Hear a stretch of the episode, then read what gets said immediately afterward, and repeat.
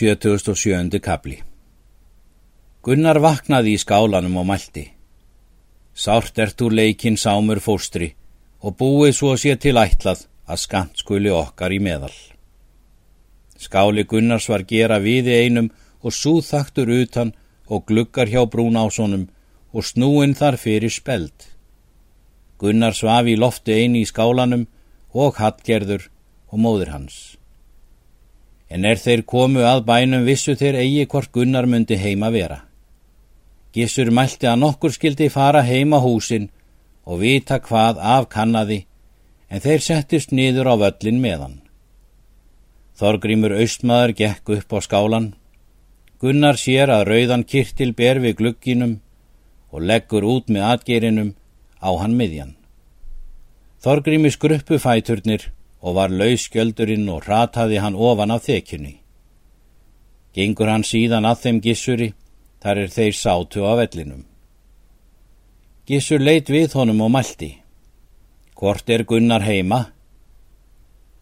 Viti þér það, en hitt vissi ég að atgeir hans var heima, segir auðsmaðurinn. Fjallan þá niður döður. Þeir sóttu þá heim að húsunum. Gunnar skaut út örum að þeim og varðist vel og gátu þeir ekki að gert. Þá hljópur sumur á húsin upp og ætluðu það hann að sækja. Gunnar kom þanga að þeim öronum og gátu þeir ekki að gert og fór svo um hríð. Þeir tóku kvíld og sóttu að í annasinn. Gunnar skaut enn út öronum og gátu þeir enn ekki að gert og rukku frá í annasinn. Þá mælti gissur kvíti. Sækjum að betur, ekki verður af oss. Gerðu þeir þá hríð hinn að þriðju og voru við lengi. Eftir það rukku þeir frá. Gunnar mælti. Ör liggur þar úti á þekjunni og er svo af þeirra örum og skal ég þeirri skjótal til þeirra. Og er þeim það skömm ef þeir fá geiga vopnum sínum. Móður hans mælti. Ger þú eigið það, són minn, að þú vekir þá er þeir hafa áður frá horfið. Gunnar þreif öruna og skaut til þeirra og kom á Eilíf Önundarsson og fekk hann af sár mikill. Hann hafi staðið eitt saman og vissu þeir eigi að hann var særður. Hönd kom þar út, segir Gissur, og var á gull hringur og tók ör er lág á þekjunni og myndi eigi út leitað viðfanga ef gnútt væri inni og skulum við nú sækja að. Mörður mælti.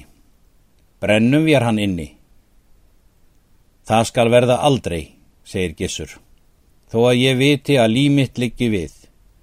Ég er þér sjálfrátt að leggja til ráð þau er dugi svo slægur maður sem þú ert kallaður. Strengir lág á vellinum og voru hafðir til að festa með húsjafnan. Mörður mælti. Tökum við strengina og berum um ásendana en festum aðra endan um steina og snúum í vindása og vindum af ræfrið af skálanum.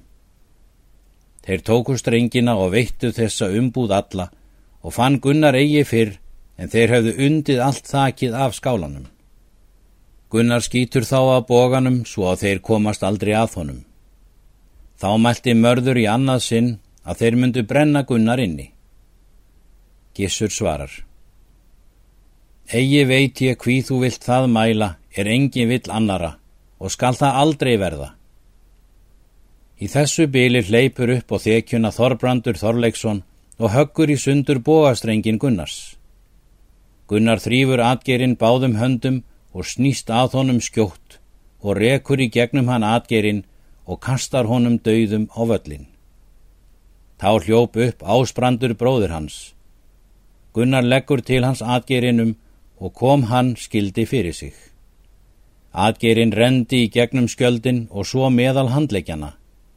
Snaraði Gunnar þá svo fast atgerin að skjöldurinn klopnaði en brotnuðu báðir handleikirnir og fjallan út af vegginum. Áður hafði Gunnar særða átta menn en vegið þá tvo.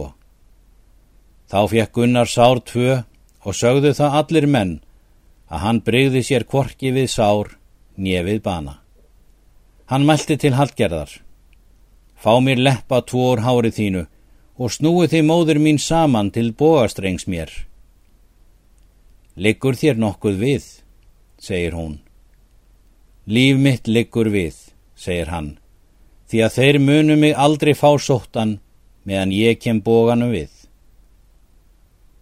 Þá skal ég nú, segir hún, muna þér kinnhestin og hyrði ég aldrei hvort þú verðir lengur eða skemur. Hefur hver til síns ágætis nokkuð, segir Gunnar, og skal þig þessa eigi lengi byggja. Ranveig mælti. Ítla fer þér og mun þín skömm lengi uppi. Gunnar varði sér vel og fræklega og særi nú aðra átta menn svo stórum sárum að mörgum láfið bana. Gunnar versi þar til er hann fjalla mæði. Þeir særðu hann þá mörgum stórum sárum en þó komst hann úr höndum þeim og varði sig þá enn lengi, en þó kom þar að þeir drápu hann. Um vörn hans orti Þorkell elfara skáld í vísu þessi. Spurðum við er hver varðist, vígmóður kjalar slóða, glaðstýr andi geiri, gunnar fyrir kjöl sunnan, sokkrýrir vann sára, sextán viðar mána, hríðar herði meiða, hauður menns en tvo dauða. Gissur mælti, mikinn öldung höfum við nú að velli lagt og hefur oss erfitt veitt og mun hans vörn uppi meðan landið er byggt. Síðan gekk hann til fundar við rannveigu og mælti. Vilt þú veita mönnum vorum, tveimur jörð er dauður eru og séu hér hegðir? Að heldur tveimur, segir hún, að ég myndi veita yður öllum. Vorkun er þér til þess er þú mælir, segir hann, því að þú hefur mikil smist og hvað á að þar skildu engu ræna og engu spilla. Fóru á braud síðan. Þá mælti Þorgir Starkarsson. Egi megum við er vera heima í búum vorum fyrir Siffússonum nema þú gissur kvíti eða geir goði sért söður hér nokkur að hríð. Þetta mun svo vera, segir Gissur, og hlutuðu þeir og hlut geir eftir að vera. Síðan fór hann í otta og settist þar. Hann átti sér svon er hróaldur hétt. Hann var laungetinn og hétt Bjartei móður hans og var sýstir Þorvalds hins veila er vegin var við hestlæki grímsnesi. Hann hrósaði því að hann hefði veitt Gunnar í banasár. Hróaldur var í otta með föður sínum. Þorgir Starkarsson hrósaði öðru sári að hann hafði Gunnari veitt. Gissur satt heimað mósvelli. Vík Gunnar spurðist og mæltist ítla fyrir um allar sveitir og var hann mörgum mönnum mjög harmdauði.